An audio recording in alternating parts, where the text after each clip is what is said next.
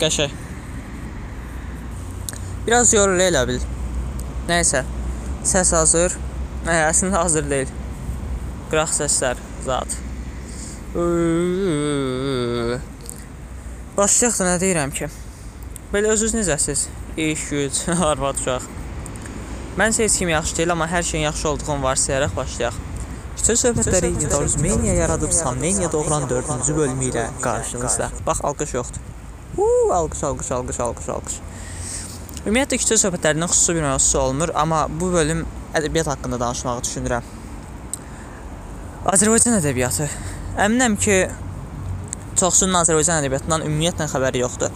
Bir dənə məktəbdə Cəlil Məmmədquluzadənin, Fətəli Axundovun adını əzbərləyib Azərbaycan ədəbiyyatı deyəndə elə ağlına bunlar gəlir. Ümumiyyətlə bizdə kitab oxuyan çox az adam var. Düzdür, son illərdə biraz artış var məncə, amma yenə də ümumi olaraq çox az insan kitab oxuyur. Durub burada kitab oxumağın faydalarından danışmaq istəmirəm, çünki yüzlərlə e, nə yüz, bəlkə də minlərlə kitab oxumuş birisi olaraq hələ heç bir faydasını görməmişəm. yaxşı, yaxşı, zarafat eləyirəm. Yox, eləmirəm. Az da olsa faydası var. Ən azından hava ata bilirsən. Məndən sizə tövsiyə ki, hava atmaq üçün kitab oxumaq ə, heç də yaxşı elm. Hava atmaq üçün kitab oxumayın. Əgər hava atmaq istəyirsinizsə, kitab yazın. Yəni daha məntiqli, daha olur. Kitabım var. Kitab yazmışam. Kitab oxuyanlarımızın da əksəriyyəti bilirsən mən Azərbaycan ədəbiyyatı oxumuram. Hə, Azərbaycanda ədəbiyyat var ki, vəbşi deyir. Azərbaycan ədəbiyyatında Harry Potter kimi romanlar olsaydı oxuyardıq da biz də zət. Bunları yenə nəsə başa düşmək olar. Kimisə dünya ədəbiyyatı oxumur deyə qınamaq olmaz ki. Amma Elxan Elatlı, Singiz Abdullayev oxuyanları heç başa düşə bilmirəm. Ona pul verib alırlar evdə. Pula heyfdir. Yenə də rənglər və zövqlər müzakirə olunmaz. Təbii ki də belə bir şey yoxdur. Hər şey müzakirə oluna bilər. Ya da mənə nə? Azərbaycan ədəbiyyatı deyə, Azərbaycan ədəbiyyatı deyəndə bir çoxlarının ağlına ilk olaraq Sabir, Cəlil, Fətəli, Haqverdiyev gəlir. E, bunun bəzi səbəbləri var. Daha doğrusu həmin insanlar yaşadıkları dövrdə sırf ya da səbəblərini mən bilmirəm. Bilirəm, demək istəmirəm. Niyə deyim? Səbəbləri var da. Hər şeyin bir səbəbi var. Bu bayaq adını saydıqlarım. Yaşadıkları dövrdə sırf ə, digər cahil təbəqədən fərqləniblər deyə, kimlərisə tənqid ediblər deyə ziyalı adını qazanıblar. Sovetin də böyük təsiri olub bu kimi yazıçıların çox populyar olmağında. Mənə qalsa şəxsən məncə Cəlil də, Sabir də, Haqverdiyev də, Fətəli də cahilin yekəsi olublar. Cəlil Məmmədquluzadə ilə başlayaq. cahilin yekəsi olublar. Bağla videonu, linç, linç, linç, söyüş, söyüş, söyüş, sən kimsən ala? Dahi mütəfəkkir Cəlil Məmmədquluzadə. Gogolun Kitayski versiyası.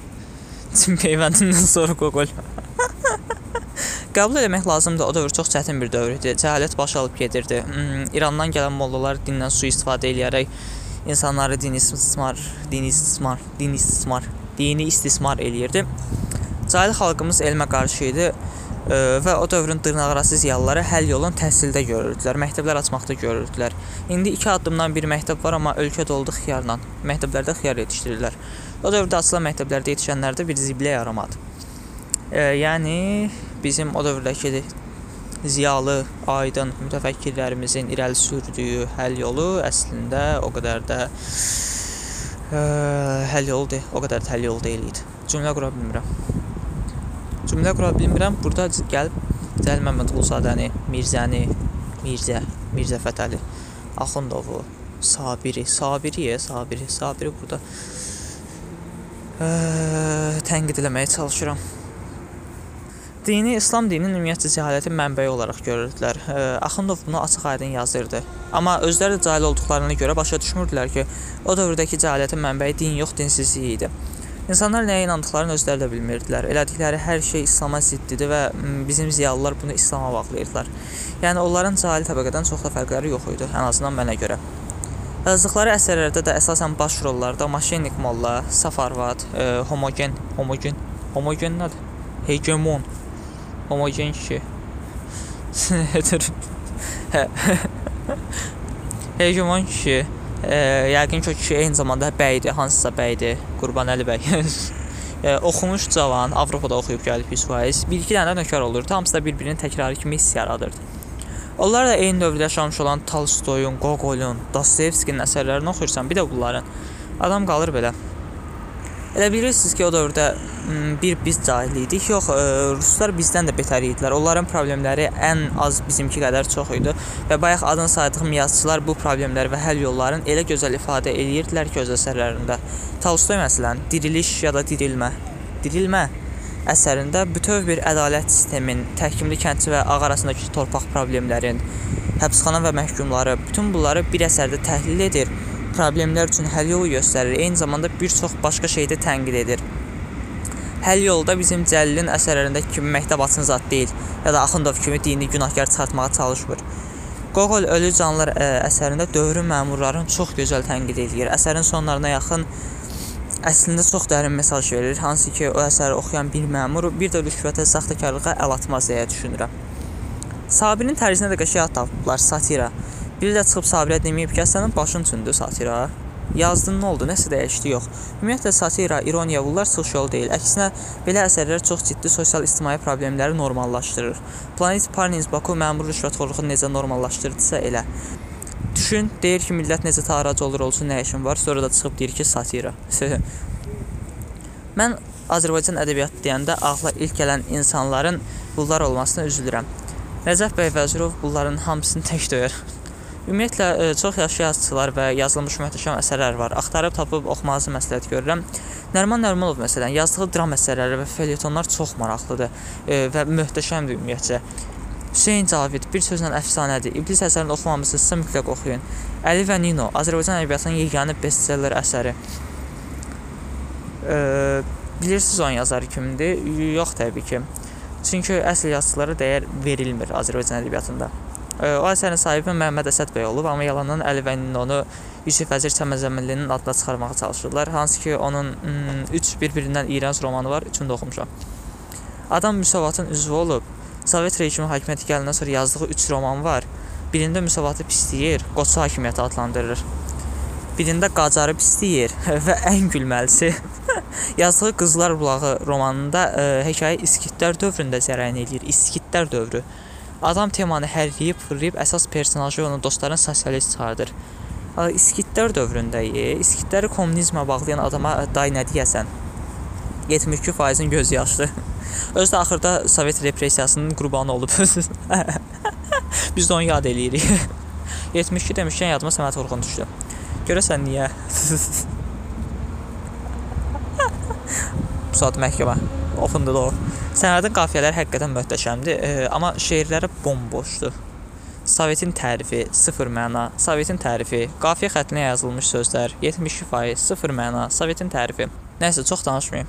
Ya da çox danışım, hələ danışacaq çox şey var. Məsələn, Mirzəlil Paşayev. Kiminsə babası, bilmirəm kimin, kimin babası idi alo? Paşayev soyadı nəsə tanış gəlir mənə. Bir gəncin manifesti romanının müəllifi Mirzəlal Paşayev. Paşayev müəllim əsərlərində müsavat hakimiyyəti haqqında ağzına gələni yazıb, gic-gic şeyləri uydurub.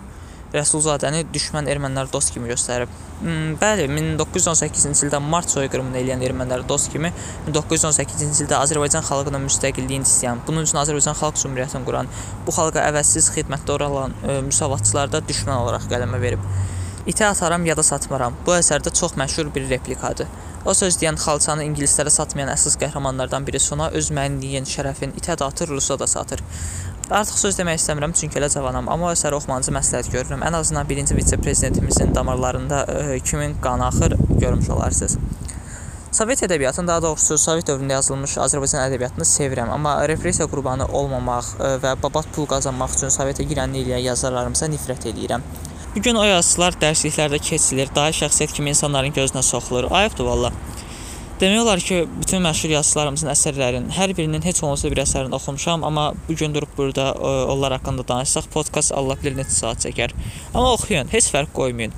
Məncə bütün yazarlarımızın əsərlərini oxuyun, çünki aralarında çox gözəl əsərlər var. Azərbaycan ədəbiyyatında həqiqətən möhtəşəm əsərlər var. Biz ə, dəyərlilərin dəyərini bilmirik sadəcə. Sağlığında dəyər verin insanlara demişdi şair. Bəzilərinə heç ölümündən sonra da dəyər verə bilmirik. Bu podkastda görə məni linsləmək sərbəstdir, kef eləyin. Oxuyun və anlamağa çalışın.